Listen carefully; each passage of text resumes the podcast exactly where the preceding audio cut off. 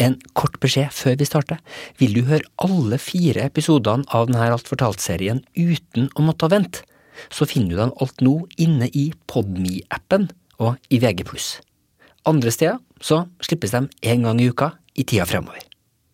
Gå inn på vg.no skråstrek podme for å finne ut mer. God lytt. Der sitter Sigfrid Ruff. 50 år etter at han var vitne til det katastrofale eksperimentet i trykkammeret i Bonn, så sitter lege Ole Erik Iversen og ser på et fotografi tatt med hans eget fotoapparat i laboratoriet hvor eksperimentet foregikk. Bildet viser fire menn som sitter i en halv sirkel.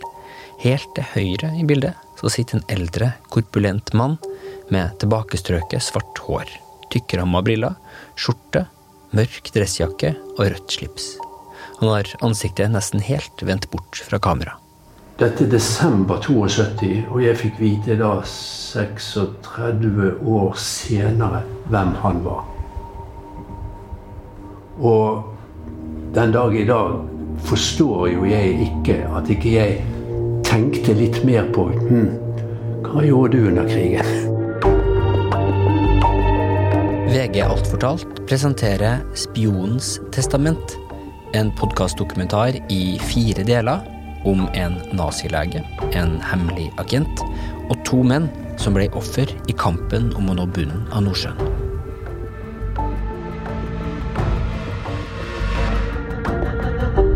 Laga av Ronny Berg og meg, Askild Matre Aasarød. Episode tre Kammeret i Dachau. I de to første episodene av denne serien så har vi fulgt reisa til Ragnar Vinsnes, mannen uten sokker, som etter sin død ga leiligheten sin på Carl Berners plass i Oslo til en norsk dykker han aldri hadde snakka med. Men sjøl om Arbeidstilsynet og dermed Vinsnes var sentral for at Eid og Ludvigsen ble sendt ned til trykkammeret i Bonn, så var det altså ikke dem som gjennomførte eksperimentet. Det var det mannen Vinsnes hadde vært i kontakt med i Tyskland, som var. Professor og instituttleder Sigfrid Ruff, mannen med sigaren, som du så vidt fikk møte i forrige episode. Vi vet ikke om Vinsnes visste om Ruffs i fortid, men historien om hva Ruff gjorde under andre verdenskrig, den går delvis parallelt med Ragnar Vinsnes sitt eget liv, men bare på motsatt side. Der Vinsnes var med på å rive ned luftfartsprogrammet til tyskerne, så var Sigfrid Ruff med sigaren en av dem som prøvde å utvikle det videre under krigen. I denne episoden så skal vi fortelle den mørke historien om naziforskeren Ruff. Og det som ble klart for meg mens jeg bladde meg nedover i papirer og rettsdokumenter, var at det han utsatte dykkerne Eid og Ludvigsen for i laboratoriet i Bonn i 1972, hadde likhetstrekk med eksperimentene han utsatte konsentrasjonsleirfanger for i hans eget trykkammer under andre verdenskrig. Men jeg fant samtidig at nazilegen var vanskeligere å sette i bås enn jeg først hadde trodd. For å forstå det, så må du bli med tilbake til Tyskland i 1942. Det er en mørk og morbid historie Hører du denne podkasten sammen med barn, så kan det være verdt å trykke på stopp nå. Phase one of the Nazi plan called for the RAF to be knocked out of the air. But the men of the RAF hadn't read the Nazi plan. Alt høsten 1940 så var det klart at England med sin Royal Air Force hadde overvunnet Luftwaffe i slaget om Storbritannia. Men nazistene hadde ikke gitt opp kampen om luftrommet. Lenge før V2-rakettene, de her flyvende bombene som eh, Ragnar Vinsnes eh, var med på å avsløre på slutten av krigen, så konkurrerte nazistene med de allierte om å bygge høytflyvende jetjagere. For å teste om mennesker kunne fly så høyt opp som de her nye generasjonene av fly kunne, så trengte nazistene å vite hva som skjedde med menneskekroppen når den ble utsatt for så ekstreme trykkvariasjoner som pilotene ville bli møtt med når de reiste høyt opp i atmosfæren. Og ikke minst hvordan kroppen reagerte om en pilot måtte kaste seg ut i fallskjerm og suse ned mot jorda fra en så enorm høyde.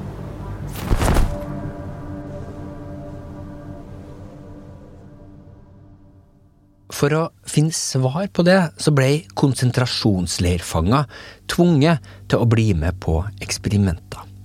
Og på samme måte som den norske oljeindustrien 30 år senere, så trengte nazistene også få tilgang til et trykkammer for å gjennomføre de her eksperimentene. Det hadde Sigfrid Ruff. Han var nemlig under krigen den unge lederen for et forskningssenter i Berlin, og var anerkjent som Tysklands fremste luftfartsmedisiner. Trykkammeret som Ruff hadde på sitt forskningssenter, var et trangt rom med en liten glugge, så de på utsida kunne se inn på dem som var fanga i rommet. Kammeret til Ruff ble, ifølge rettsdokumentet jeg har lest, i februar 1942 i hemmelighet frakta med lastebil fra Berlin og til konsentrasjonsleiren Dachau, ikke langt fra München. Der ble kammeret plassert i leirbrakke 5. Kammeret ble fort tatt i bruk. Sigfrid Ruff sjøl var til stede den første dagen og så på eksperimentene sjøl. Fanger ble spent fast i seler inne i kammeret, før de simulerte et fallskjermhopp fra 21 000 meters høyde. De har fangedrakter. De har um, pustemasker som henger ved siden av. Der er Ole Erik Iversen, legen som var med til Bonn i 1972. Det er omtrent det, det, det verste du kan tenke deg å se. Mens kammeret var i bruk, skal mellom 180 og 200 fanger ha blitt utsatt for ekstreme trykkeeksperimenter. Rundt 80 mennesker skal ha blitt drept der inne. Om Ruff med sigaren var med på alt det her. Hvordan fikk han lov til å ha en livlig forskningskarriere etterpå? En forskningskarriere som varte i alle fall så lenge som til starten av 1970-tallet, da Arbeidstilsynet inngikk et samarbeid med han. Det jeg fant ut, var at Ruff sin skjebne etter krigen kan henge sammen med det som skjedde med det her kammeret. For bare noen måneder etter at det kom til Leirbrakke 5 sommeren 1942, så forsvant det plutselig derfra.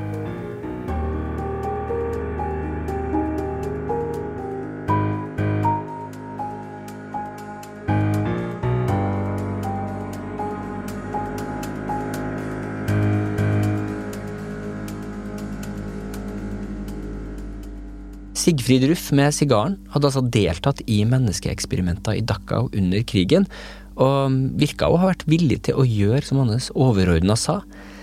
Men det fikk ikke å ha vært Sigfrid Ruff som drev fangeeksperimentene fra dag til dag i Dachau. Han var til stede da eksperimentene begynte, men etter det så satt han bakenfor mannen som var den store pådriveren i Dachau, som fysisk utførte mange av eksperimentene, virker å ha vært en annen naziforsker. En mann ved navn Sigmund Rascher.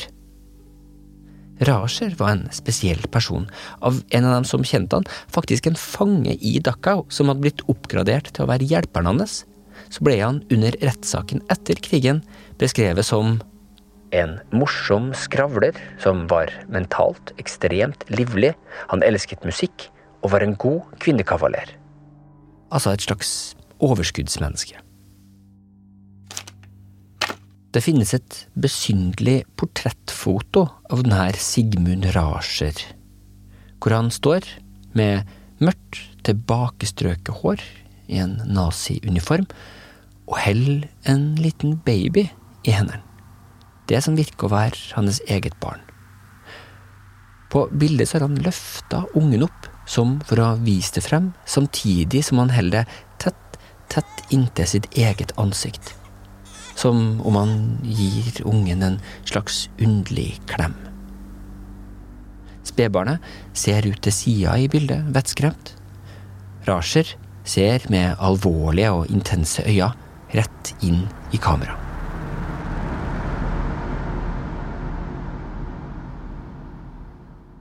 Det er altså to nazileger i denne historien, begge med initialene SR. Sigfrid Ruff og Sigmund Rascher. De to kan være lett å blande, så for å holde dem fra hverandre i mitt hode, så kaller jeg den andre nazilegen, han fra bildet med ungen, for legen med barnet. Legen med barnet hadde fått støtte til sine eksperimenter direkte fra SS-sjef Heinrich Himmler. Legen med barna og kona hans hadde ei høy stjerne hos han. Det var delvis fordi de to sammen hadde vist at det var mulig for eldre kvinner å føde barn.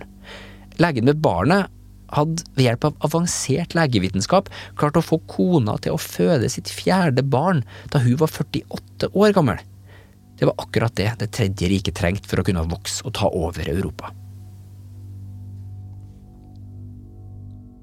Ruff med sigaren skal ikke ha vært til stede på eksperimentene som legen med barnet gjennomførte på fanger innesperra i kammeret i leirbrakke 5.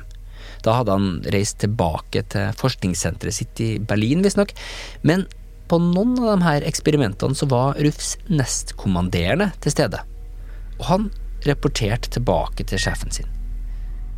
Under ett av de her forsøkene så satt Ruff sin utsendte og fulgte med på en elektrokardiograf, en hjerterytmemåler som var kobla til fangen i kammeret, mens legen med barnet styrte trykket fra utsida. Som Ruff sin underordna Seinar sa det, her er et direkte sitat vi leser opp fra rettssaken i Nürnberg. Når det virka på meg som at dette begynte å bli farlig, at hjertebevegelsene minka, så sa jeg til Raser du burde stoppe nå. Og hva gjorde legen med barnet da? spurte spørsmålsstilleren i rettssaken. Ingenting. Han holdt høyden, og senere så inntraff døden. Legen med barnet fikk beskrivelser av de her dødelige eksperimentene sirlig notert ned. Her lest av legen Ole Erik Iversen. Høygradig høydesykdom. Kroniske kramper. Armene strekkes fremover. Spriker med beina. Agonale krampfatmung. Det betyr altså sånn de siste pustetrekkene dine. Kroniske kramper. Stønner. Underordinerte tramping med eh, armer og bein. Skriker høyt. Hodet synker til venstre. Ikke, kan ikke snakkes til. Virker fullstendig eh, åndeløs. Og som er bildet puster maske her. Her har vi en som vrir seg. Vi ser armene her er helt vridd i kamper. Og her ser vi en som, henger i en sele i fangedrakten og er helt åpenbart bevisstløs. Og dette har de Dette bare skriver de, og det er jo blottet for all empati og medmenneskelighet. Og dette kommer altså for en dag, og dette er originalbilder fra Dachau. Fangene fikk infarkt og blodpropper, de fråda og kasta opp blod. Legen med barnet hadde fått installert et obduksjonsrom rett ved trykkammeret, hvor han obduserte fanger så fort som overhodet mulig etter eksperimentene, gjerne før pasientene var klinisk døde. Som en person sa, den samme fangen som jobba med legen med barnet. Han elsker spesielt når organene, sånn som hjertet, fortsatt slår på dissekeringsbordet. Grunnen til det var at legen med barnet lette etter bevis på noe helt spesielt under obduksjonene. Nemlig tegn på luftbobler i blodet. Det en kan få om en gjennomgår store trykkvariasjoner. Dykkersyken, som det kalles. Det samme som ramma Eid og Ludvigsen i kammeret i Bonn i 1972. Derfor obduserte legen med barnet de ferske likene nedsenka i vann, så han kunne se luftbobler som pipla ut når han kutta i kroppene.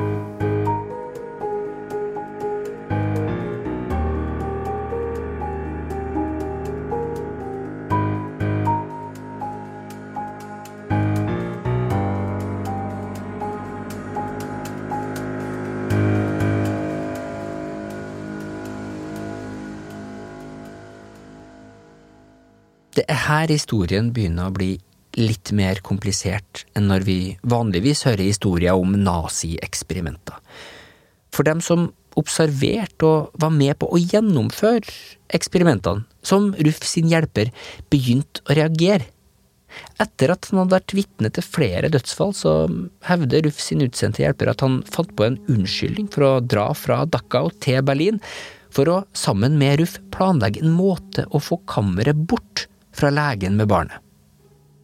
Ruff var enig med meg i at dødsfall ikke kunne være tillatt å skje under høydeeksperimentene, og at det aldri hadde skjedd tidligere. Men under rettssaken så sa Ruff og hans underordna at de ikke hadde klart å finne en måte å få bort kammeret på med en gang. Raser pekte bare på at han hadde ordre fra Himmler, og at han var dekka av de. Det var nokså umulig å fjerne kammeret fra Dachau mot Himmler og Rasers ønske. Så kan en spørre seg hvorfor så Ruff med sigaren seg som så forskjellig fra legen med barnet? Han organiserte jo også eksperimenter på fanger. Jo, ifølge det Ruff sa i Nürnberg-rettssaken, så var det to typer eksperimenter som skjedde i trykkammeret i leirbrakke 5. En rekke eksperimenter hvor en blant annet utsatt fanger for simulerte fallskjermhopp, som Ruff var med på, og så legen med barnets mye mer morbide og ekstreme forsøk, som han skulle ha gjort på eget initiativ. Som her eksperimentene for å finne bobler i blodet. Det Ruff sa at han ville gjøre, var å fortsette så hans eksperimenter ble ferdig så fort som mulig, så Ruff kunne si at kammeret måtte fraktes bort fra Dachau med den unnskyldninga at det behøvdes andre steder hen for å gjøre mer prekær militær forskning enn de forsøkene som legen med barnet gjorde. Som Ruff sin hjelper sa under rettssaken etter krigen. Vi forkorta det. Vi utførte færre eksperimenter på forskjellige høyder for å bli ferdig så fort som mulig, men på en måte som likevel fullførte det med akseptable resultater. Ruff og co. virker å ha vunnet igjennom. Kammerset ble iallfall frakta bort fra Dachau sommeren 1942. Så ut fra den fortellinga av historien, så prøvde Sigfrid Ruff, samtidig som han støtta eksperimenter på mennesker, å stoppe en manisk drapsmann og psykopat.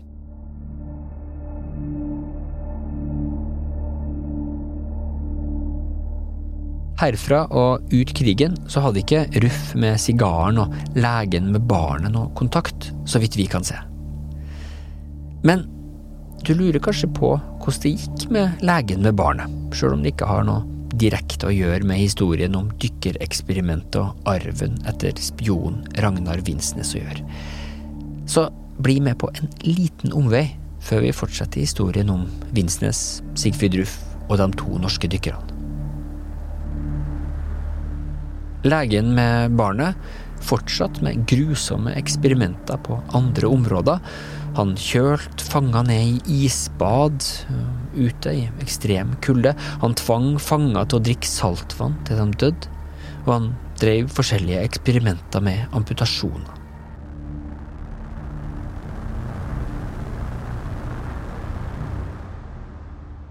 Men som jeg nevnte tidligere, så forbløffa han Himmler ved at kona fødte barn i høy alder, noe Det tredje riket med ønske om ekspansjon gjerne skulle se mer av.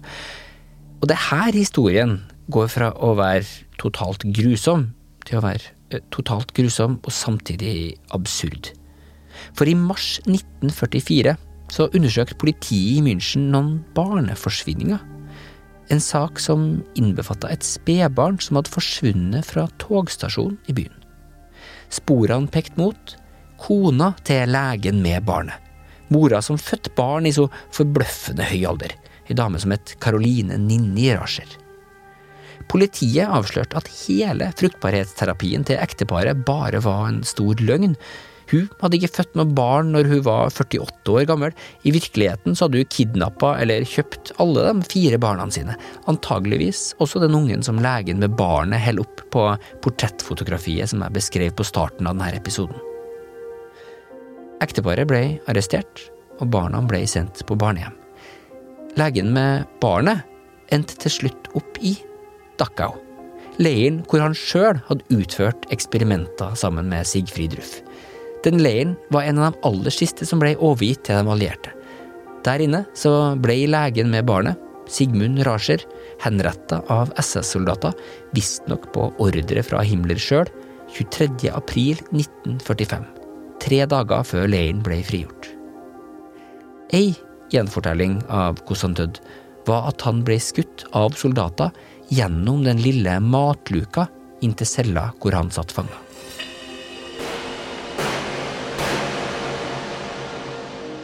Om det er sant, så døde legen med barnet, som mange av sine ofre, stengt inne i et lite klaustrofobisk rom.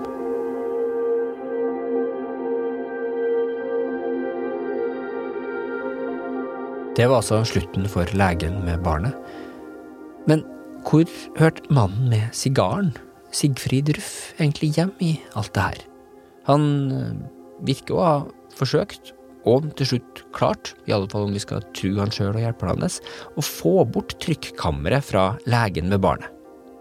Men det er stor usikkerhet rundt om det her i det hele tatt forhindra flere dødelige eksperimenter eller ikke. Og hvorfor gjorde de ikke mye, mye mer? Under rettssaken så forsvarte Luff sin utsendte i Dachauset. Det jeg gjorde mot Himmlers ordre, og mot det jeg hadde signert på å holde hemmelig. Det faktum at jeg rapporterte disse hendelsene til min sjef, som så brakte informasjonen videre. Alt dette var farlig. En forstår mest sannsynlig nok om forholdene under Himmler til å skjønne det. Ruff og hjelperen mente at de ikke kunne gjort noe mer uten at de sjøl hadde blitt henretta for forræderi. Som Ruff sjøl sa det i sitt forsvar under rettssaken. Her et direkte opplest sitat. Jeg hadde ingen juridiske forbehold, for jeg visste at mannen som hadde gitt tillatelse til disse eksperimentene, var Himmler. Ruff mente han var helt uskyldig.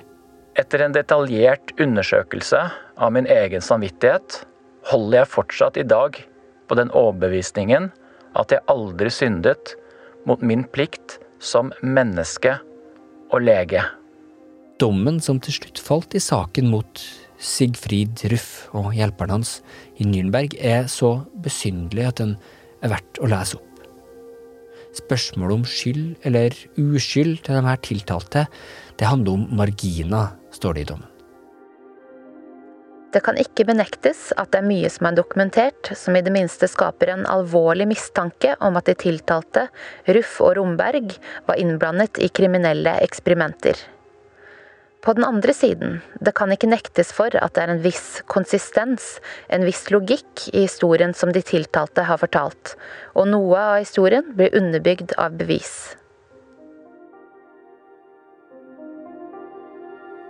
Derfor, står det i dommen, så frikjennes Ruff og hjelperen hans. Så kan han spekulere. Det var hendig at det var legen med barnet som var død, som hadde all skyld. Hva så Sigfrid Ruff gjennom glugga på sitt eget trykkammer, der det sto i Leirbrakke 5? Det får vi nok aldri vite.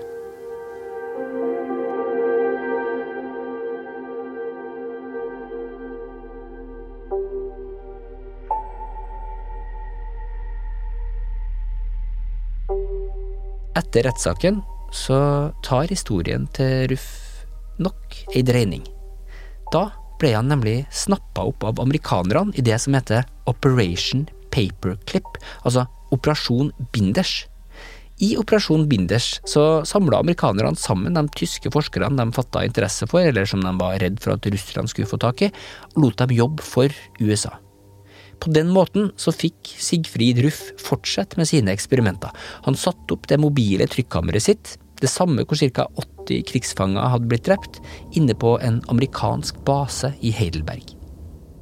Spørsmålet om hans skyld under krigen kom opp igjen senere, men han fortsatte å forsvare seg. Disse eksperimentene resulterte ikke i skade eller død.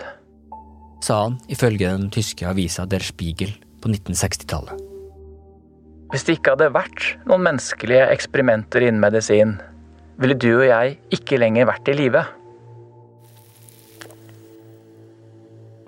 Ruff med sigaren fikk forske videre. Han var involvert i utviklinga av et mulig undervannslaboratorium, og han undersøkte mulige terapeutiske anvendelser av oksygenmangel. hva enn det måtte bety. Til slutt så fikk han bygd et trykklaboratorium i Bonn. Om kammeret som ble stilt opp der, er det samme som ble brukt i Heidelberg, og før det i de morbide eksperimentene i Dachau, det vet jeg rett og slett ikke. Men Ruff fikk fortsette med lignende trykkeksperimenter som dem han hadde utsatt konsentrasjonsleirfanger for.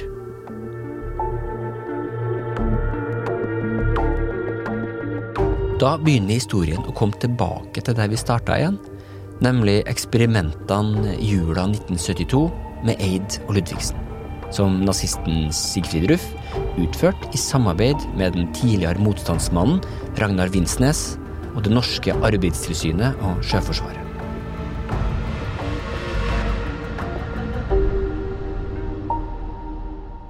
I neste og siste episode så skal vi tilbake til 1972, der vi forlot dykkerne Per Ludvigsen og Egil Eid fanga inne i laboratoriet i Bonn. Og vi kommer ett steg nærmere å forstå Ragnar Vinsnes og arven etter han, ved å snakke med en av de ytterst få gjenlevende vennene til mannen uten sokker. Han ville jo liksom gjøre godt igjen på et eller annet vis det som han mente han hadde gjort galt da.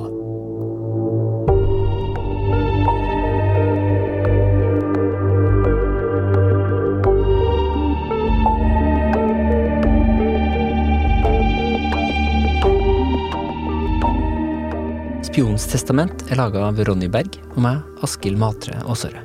Musikken er, som du vet, laga spesielt for serien av Ronny Furuvik.